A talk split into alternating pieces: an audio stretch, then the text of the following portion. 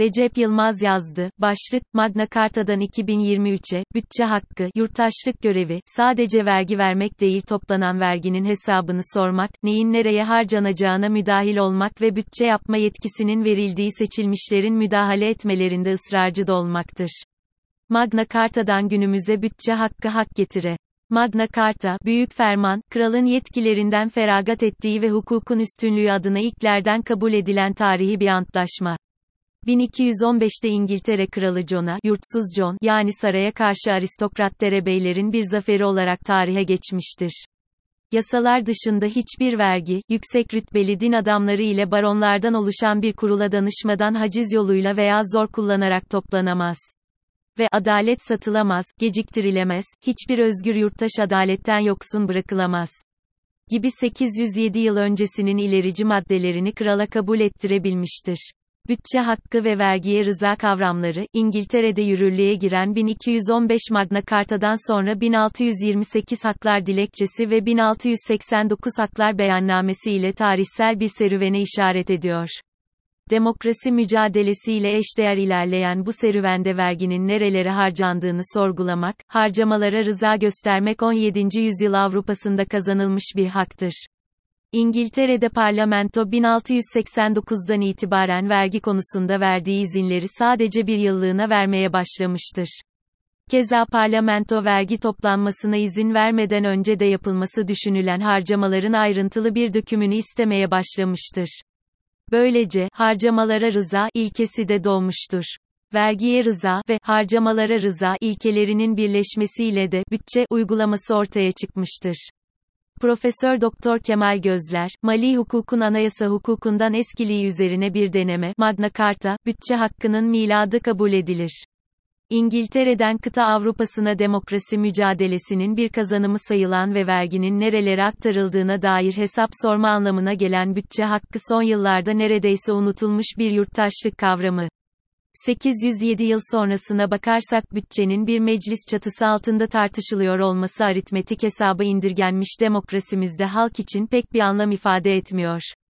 Çünkü Türkiye'de halkın bütçeye karşı ilgisizliği meclisin etkisizliği ile birleşerek tek bir kişinin iradesiyle yapılan bütçe kanunlarının sorgulama hakkı olmayan bir kesim tarafından onaylanmasını doğuruyor. Bütçe hakkı tarihimizde ilk olarak birinci meşrutiyet ile dile getirilse de ömrünün kısa olmasından dolayı uzun sürmemiş ve ikinci meşrutiyet ile yeniden gündeme gelerek 1910 yılında çıkarılan Muhasebe Umumiye Kanunu ile yürürlüğe girmiştir.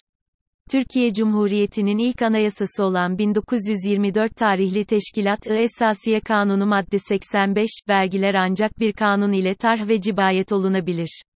Demektedir. Yani vergilerin ancak kanunla salınacağı ve tahsil edileceği anayasal güvenceye kavuşturulmuştur. Madde 96 ise, devlet envalinden muvazene haricinde sarfiyat caiz değildir. Yani, devlet mallarının bütçe dışı harcanması mümkün değildir, demektedir. 1927 yılında ise 1050 sayılı Muhasebe Umumiye Kanunu bazı değişikliklerle yeniden yürürlüğe girmiştir. 2003 yılında yürürlüğe giren 5018 sayılı Kamu Mali Yönetimi ve Kontrol Kanunu ile bu kanun yürürlükten kaldırılmıştır. Cumhuriyet döneminde çağdaş anlamda 1924 Anayasası ile kullanılmaya başlanan bütçe hakkı bu şekilde kanuni bir hak olarak süre gelmiştir. Ta ki her kararın bir kişiye bağlandığı 16 Nisan 2017 referandumuna dek. Bugüne gelirsek, 2023 bütçe teklifine detaylı bakınca ne görülür? Teklif edilen bütçe gideri 4 trilyon 469 milyar 570 milyon lira. Bütçe geliri ise 3 trilyon 810 milyar 149 milyon lira. Yani 660 milyar liralık bir bütçe açığı var. Faizin, garanti ödemelerinin, müteahhitlerin, verimsiz projelerin ve kur korumalı mevduatın bütçesine yakından bakalım. Hazine ve Maliye Bakanlığı için teklif edilen 2 trilyon 210 milyar liralık bütçenin 565 milyar liralık kısmı sadece faiz ödemelerine ayrılmaktadır. Bütçenin %12,7'si faiz ödemeleri için ayrılmaktadır. Peki, ek bütçesi de dahil olmak üzere 2022 yılı bütçesinde faize ne kadar ayrılmıştı? 330 milyar lira. 2022'de bütçenin %11,7'si faiz gideri iken 2023 için %12,7'ye yükseldi. Bir başka önemli noktada bütçe giderleri bir yılda %58 artmışken faiz gideri %71,5 artmış oldu. Nokta. Büyük ekonomist sözde, faiz düşmanı, 5018 sayılı Kamu Mali Yönetimi ve Kontrol Kanunu Bütçe İlkeleri Madde 13, bütçe, kamu mali işlemlerinin kapsamlı ve saydam bir şekilde görünmesini sağlar. Demesine rağmen saydamlığı Sinoplu Diyojen gibi Fenerli arıyoruz. Borç verme, kalemi olarak değiştirilen kitlerin görev zararları için 359 milyar lira ayrıldı. Yol ve köprü projelerinin garanti ödemeleriyle şehir hastanelerinin hizmet bedelleri için ise toplam 100 milyar lira ayrıldı. Diğer yandan yaklaşık 2 milyon çiftçi için önem arz eden tarımsal destekleme ödemeleri için teklif edilen bütçede 54 milyar lira oldu. Çiftçi kesiminin sadece mazota ödediği vergiyle bu paranın yarısı zaten hazineye geri ödeniyor.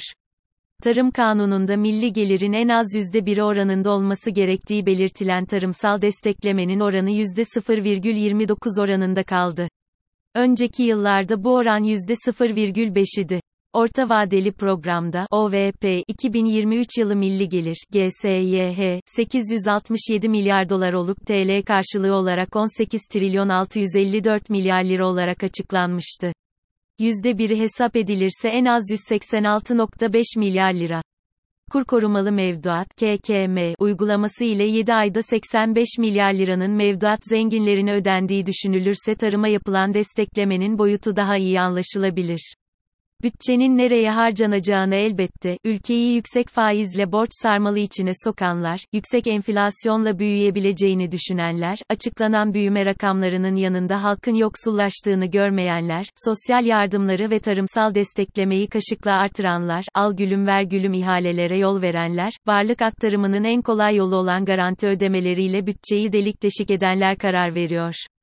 Küçük ortakla birlikte yeterli sayıya ulaşan iktidar meclisin bütçeyi onaylama yetkisini kolayca manipüle ediyor ve gelen teklifler olduğu gibi onaylanıyor. 84 milyona da bu tiyatroyu seyretmek düşüyor. Oysa yurttaşlık görevi, sadece vergi vermek değil toplanan verginin hesabını sormak, neyin nereye harcanacağına müdahil olmak ve bütçe yapma yetkisinin verildiği seçilmişlerin müdahale etmelerinde ısrarcı da olmaktır. Magna Carta'dan günümüze bütçe hakkı hak getire.